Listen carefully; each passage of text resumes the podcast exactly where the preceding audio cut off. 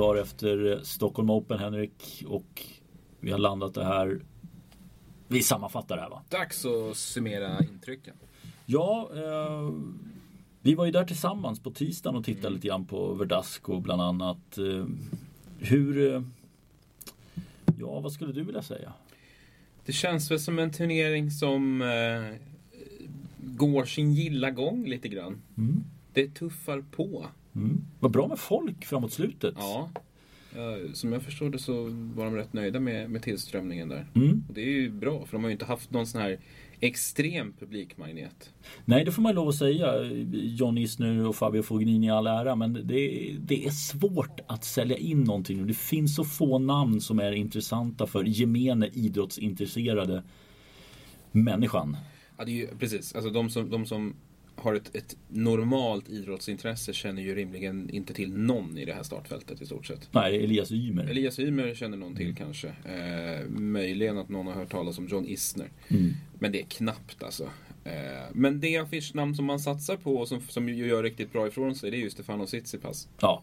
Han går all in för att vinna den här turneringen. Och både du och jag blev lite förvånade. Liksom, vi, jag, jag trodde jag att han hade vunnit en titel redan. Jag, jag var, ja. var så inpräntat i huvudet med att han ja, hade men gjort det. Precis, vi, vi möttes här eh, och, och, så båda två samma sak. Att hade inte han vunnit en titel redan? Och uppenbarligen nej. nej. Eh, och det tycker jag att eh, gänget bakom, eh, Aspelin, Stenmo och Elmblad, eh, smart. Mycket. Gå på några av de här yngre killarna som kommer att vara topp 10. Tsitsipas, ja det är ju, för mig är det ju bara en skada som kan stoppa honom från att nå en topp 10-plats. Mm. Eh, och sen även då de andra, vi hade Chung med eh, som bröt eh, och drog sig även ur den här veckan om jag minns det rätt. Eh, även Deminaur, Chapovalov, också sådana namn som vi säkerligen kommer få höra mer av framöver när de andra äldre gardet lägger ner karriären. Mm. Eh, kanske innan dess också för övrigt. Men du, eh, vi hade ju tippat, jag hade tippat Isner och du hade tippat Fognini. Ja, och vi eh, stupade i semifinal både du och jag. Ja, det var väl bra att det var rättvist att vi åkte ut på ja, samma ställe också. Ja, precis. Eh, och John Isner kan ju fortfarande inte prestera när det behövs. Samtidigt ska sägas att eh, motståndaren i semifinalen, Ernst Gulbis, ja, vilken turnering han gör. Går igenom kvalet, psykar ner Marcus Eriksson i kvalfinalen och sen så rusar till final. Jag har inte sett honom spela så här bra tennis på är det fy, fyra år kanske? Ja, ja men han har glimtat till någon match här och där. Eh, han kvalade väl in i någon slam här för ett tag sedan också och, och mm. gjorde något hyfsat resultat. Men, men just att Nej, men genom hela, det kändes som att nu vill han spela igen och när han vill det så har, håller han fortfarande en väldigt hög nivå.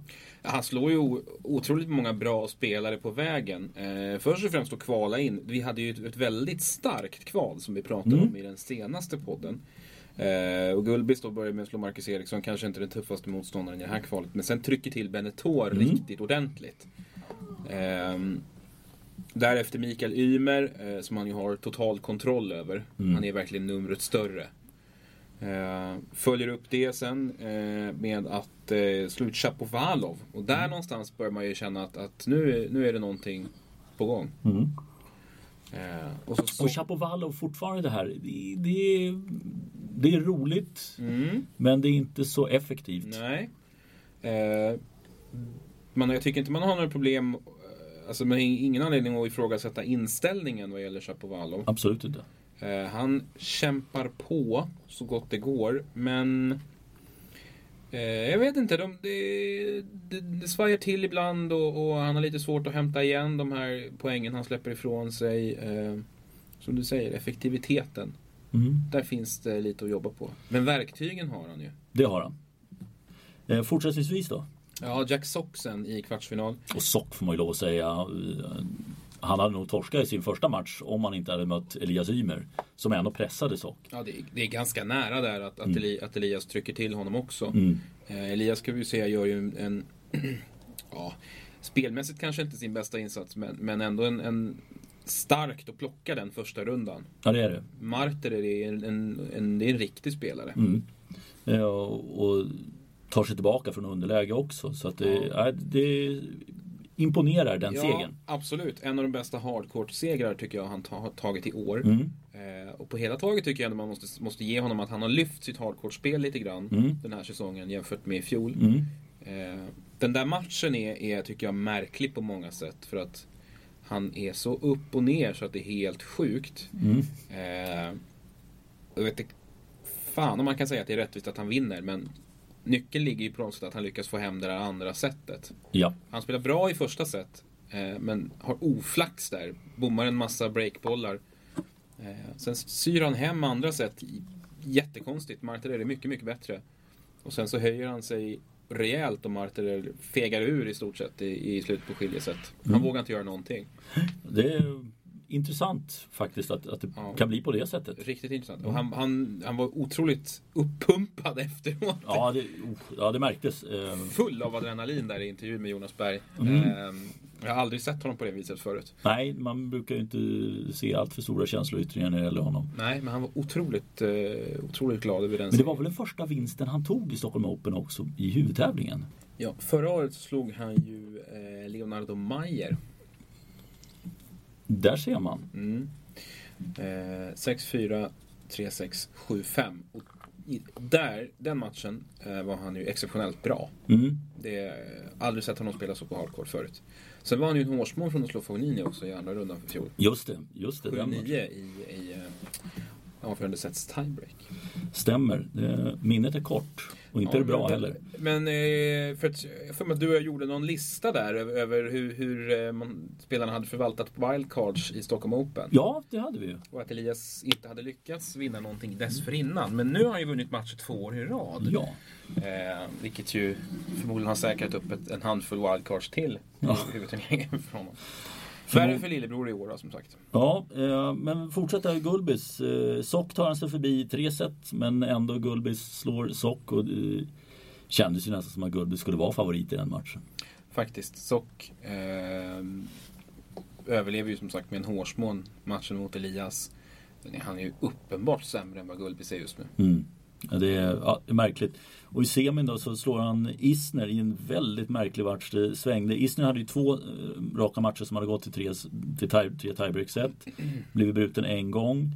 Eh, och sen så svängde det ordentligt där. Isner vinner första 6-1 och så Gulbis 6-3, 6-3. Mm. Han måste ha hittat någonting riktigt bra där i serve. Jag såg inte den matchen. Nej, det gjorde faktiskt inte jag heller. Jag bara liksom, jag har sett en del av de andra matcherna som Gulbis har spelat. Hans forehand har ju sett enastående ut. Mm.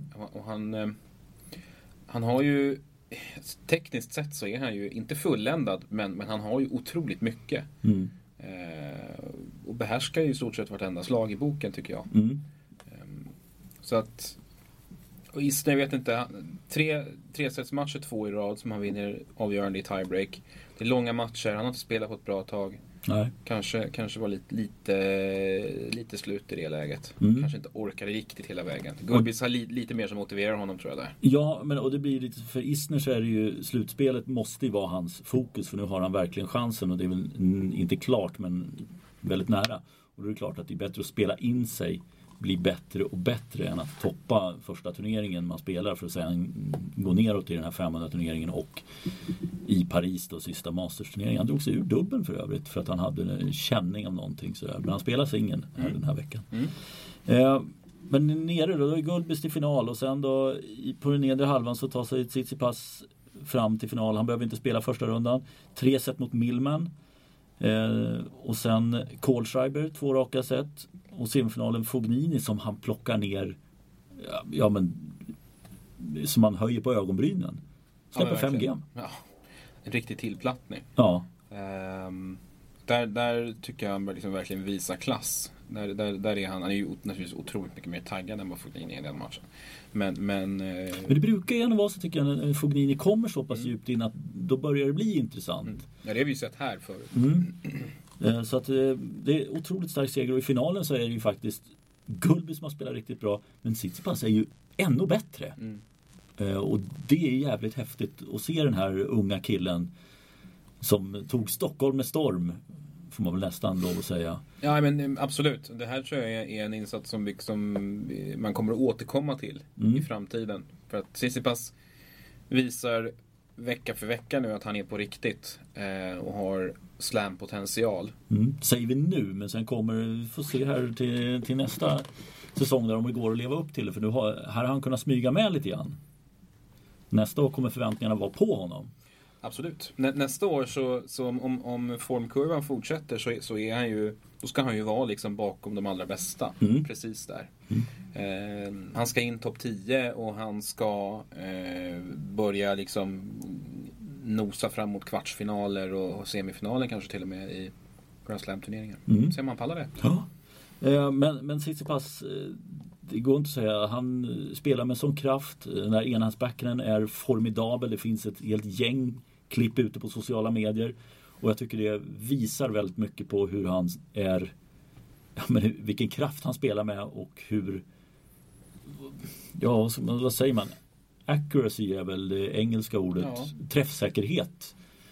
Han, han, har, han har som få andra en förmåga att kombinera finess och, och kraft. Mm. Eh, för att det, han har sån otrolig touch. Mm. Och som du säger, pricksäkerhet. Söker linjer och kryss. Ehm, och gör det samtidigt som han spelar ett, ett ganska tungt spel. Killen är ju ganska stor. Ja, det är, ingen, det är ingen liten sak det där. Nej, han, han, är, känns, han känns idealiskt byggd för det här spelet. Mm. Och eh, det var kul att se honom den här veckan tycker jag. Och sen bra, jag tänker också för Stockholm Open att på den raden så sitter vi i centerkorten så har du det är Stan Smith, det är Borg, det är McEnroe, det är Arthur Ashe, det är Edberg, Wilander och Becker. Det, det finns så många världsnamn där på.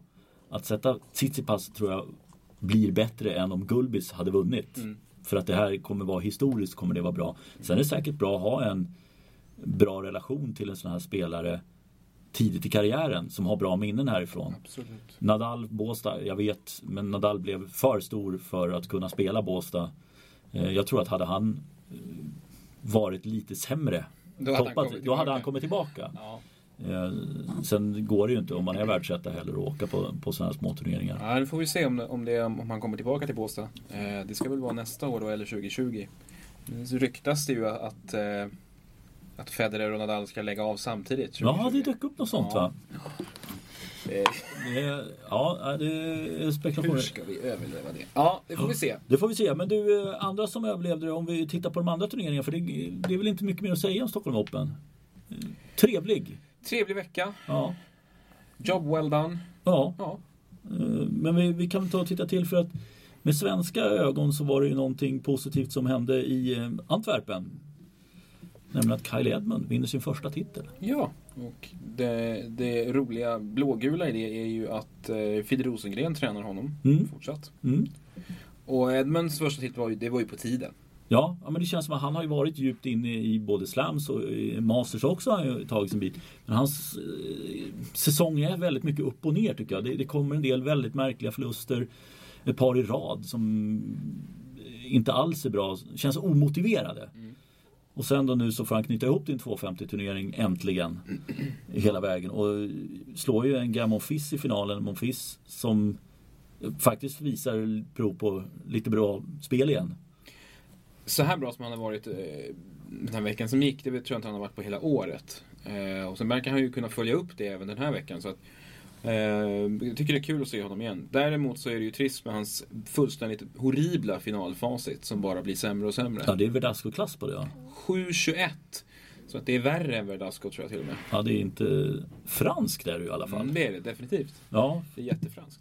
för det, det, det är inte många som har en, en sån eh, sån usel finalfacit. Men i övrigt är det någonting att säga om Antwerpen. För vi återkommer till det här franska. För det, det kommer mer franska finalförluster här. Ja, nej men eh, Gasquet fram i semi, spelar, gör en hygglig turnering. Schwarzman. Och det är lite det här 250, Gasquet 250 nivå. Det är där han kan göra resultaten nu. Ett resultat som sticker ut för mig är att Edmund slår eh, Albert Ramos Vinolas med 6-0, 6-2. Mm. Eh, jag vill inte prata mycket om Ramos i år, men han har sjunkit som en sten. Ja, han har knappt vunnit matcher på grus. Men det är ditt, förra, kommer du ihåg när han kom fram första gången? Han var ju tredje sidan i Båstad. Ja, de, de betalar ju honom för att han skulle komma till Ja. Och sen eh, rasade han ju rakt ner och sen byggde han upp igen och då när han vann Båstad då var han ju bra också. En bra grusspelare. Och sen då igen så bara rakt ner i gruvan. inte riktigt rakt ner i gruvan för han kommer fortfarande in i, i en hel del turneringar. Det finns andra exempel som har gjort det värre. Men det är inte särskilt imponerande. Det är, Nej. inte, det är inte bra. Nej, och Spanien, det ser inte bra ut för Spanien. Det är Monar. Ja, det är, Monar är den enda. Ja. För jag gick igenom det och jag hittade ju knappt någon topp 300 av någon yngre. Ska sägas. Det finns ju fortfarande av det äldre gardet men av de yngre så är det väldigt tunt. Det borde oroa en hel del. Ja, för av, av de här riktigt stora, historiskt sett stora tennisnationerna som Spanien ändå tillhör tillsammans med typ USA, Australien, Tyskland, Frankrike. Frankrike såklart. Eh, Spanien, Spaniens återväxt är överlägset sämst. Mm. Man har tappat totalt. Den här generationsväxlingen har man inte klarat av för fem öre. Märkligt när man borde kunna smida medan järnet har varit varmt. Man har ju haft en enorm tennisapparat, man har haft massor med turneringar och ett, ett eh, jättestort spelarmaterial. Men de sista tio åren här har det ju inte dykt upp ett, ett skvatt. Det är ju Carreño Busta som är den enda som har hållit fanan högt egentligen. Och i viss mån då Ramos Vinolas. Men ingen av dem är ju någon slags generational talent. Alltså ingen Nej. av dem har ju Grand Slam potential överhuvudtaget. Nej. Och då har man ändå egentligen sedan början på 90-talet varit en nation som regelbundet plockat Grand Slam-titlar. Ja, ja, och spottat ur sig nya spelare som har varit djupt inne i slams och verkligen konkurrerat. Även om de inte har fått med sig dem så har de ändå varit i finaler eller någonting sånt. Jo men precis, och det, det har ju varit liksom perioder då, då det nästan känns som att hälften av spelarna topp 10, topp 20 har varit spanjorer. Ja, Och då ja har det men jag inte handlat Båstad tror jag haft så här nästan när halva startfältet Ja. har varit från Spanien. Men det känns som att det pikade kanske runt där 2010 eller någonting. Mm. Men då, då hade vi ju liksom ut, utöver Nadal så var det liksom Ferrer, det var Verdasco, det var Lopez, Robredo, Andojar, Pereriba. Snyggt! Ja men, eh, och Granollers, eh, Jimeno Traver och, och Garcia Lopez var liksom drällde av, av spelare som höll liksom bra topp 50-klass. Mm. Men eh, de börjar komma till åren nu. De har passerat 30 med, med råge allihopa de här. Mm. Och det finns ingen som fyller på. Nej. Nej, det är tydligt en, en sån här vecka också ska sägas då. Men du, eh, du, vi tar oss till Moskva då, där vi fick en eh, hemma, hemmavinst. Det fick vi. Eh, jag tror inte det var något fusk inblandat eh, den här gången. Nej, det brukar annars vara en av de mindre smickrande. Ja, det brukar vara lite smutsigt där borta i Moskva. Eh, Karen Khachanov och Danil Medvedev Mm. är ju två spelare som har eh, sett alldeles otroligt bra ut sista veckorna. Mm. Logiskt att de är, håller sig långt fram i turneringen. Ja, möts i semifinalen och Khachanov går vinnande ur den semifinalen. I finalen så slår han en fransman. Och Som då, har fått stryk i finaler förr. Ja, och då kom det upp på Twitter här då att han är den tredje franske spelaren som har förlorat sina sex första finaler. Eh, Benny förstås är den ena. Cedric Piolin var faktiskt den andra. Oj. Eh, som vann sin första titel efter tio försök. Oj, jösses. Eh, och det är faktiskt bortglömt. Det hade inte jag alls. Utan för mig var Piolin faktiskt att han... Han var- måste ha repat sig senare i karriären då, för jag har ändå minnen av honom som... Han är i och för sig... ex- Han höll sig långt fram i många slams. I slams och- precis lång, men, Men, men han just, vann ju aldrig. Jag Nej. tror han bara har fem titlar eller någonting. Ja, ja, men det, så det var rätt intressant att, att den dök upp. Att, men det, det är det franska som, som syns, som lyser igenom där. Ja, alltså som jag skrev på Twitter att, att Manarino tar ju över stafettpinnen här efter Benetton när han lägger av som, som Torens värsta finalchoker. Eh, just den här turneringen kanske inte man ska säga så mycket om. Eh, det oavsett vem av, av Khachanov och Medvedev han hade mött i finalen så hade han inte varit favorit. Nej, det hade han inte varit. Eh, och det, det är inget, apropå, eh, vi, vi, nu tar jag ett helt jävla stickspår som är långt åt Ja, skogen här. kör, kör. Eh, det var Alexander Zverev här, det dök upp också nå- någonting för ett tag sedan. Så här, när han jäm, jämförde de, eh, the big three, samma, samma ålder. Eh, nej, nej, inte samma ålder. Vi, just vid det här tillfället hur mycket de har vunnit där och att eh, de är väldigt lika i antal eh, här, slams, mastertitlar och titlar overall. Nej, fan skit i det där för att det där, jag fattar inte det där du ser det. För det där stämmer ju fan inte. Det är jättemärkligt. Men eh, Manarino där. Vi, kan ju, vi kan ju bara snabbt ta en liten titt på vad det är för folk som han har förlorat mot. Vi ska säga det också att han spelade sin första final 2015. Sent i karriären ändå. Mm. Eh, Eh, inledde med att torska i Auckland mot Jiri Vesely. Mhm. Fick bara 5 game i den finalen. Inte Franska jätteimponerande. Eh, juli samma år eh, förlorade han tresetare mot Bernard Tomic i Colombia. Bogotá. Bogotá. Mm. Eh, vidare sen till att torska på gräs, Antalya mot Yuichi Sugita. Ja, Mm. Eh, Den tror jag inte han var nöjd med, den 1-6, finalförlusten. 6-7, Det tror inte jag heller. Sen en som kanske inte är så mycket att säga om han torskade i fjol då i finalen i Tokyo. Eh, mot eh, David Goffin i två raka set. nej nej det är... Ah, den, den, den kan man leva med. Eh, 500 turnering också. Mm. Fin, eh, fin turnering alltid. Eh, och sen i, i år då, i juni, torskar han ju eh, loserveckan i Antalya på gräs. Igen. Ja, den här gången mot Damir Djumhur. Eh, Sättsiffror 1-6, 6-1, 1-6. Eh, illa och sen fullständigt chanslöst mot Kachanov i, i Kremlin Cup. Eh, I söndags 2-6, 2-6. Ja. Nej, det, är, det är inga fina siffror Nej, heller. Alltså. är, det är ruskigt illa och han är ju...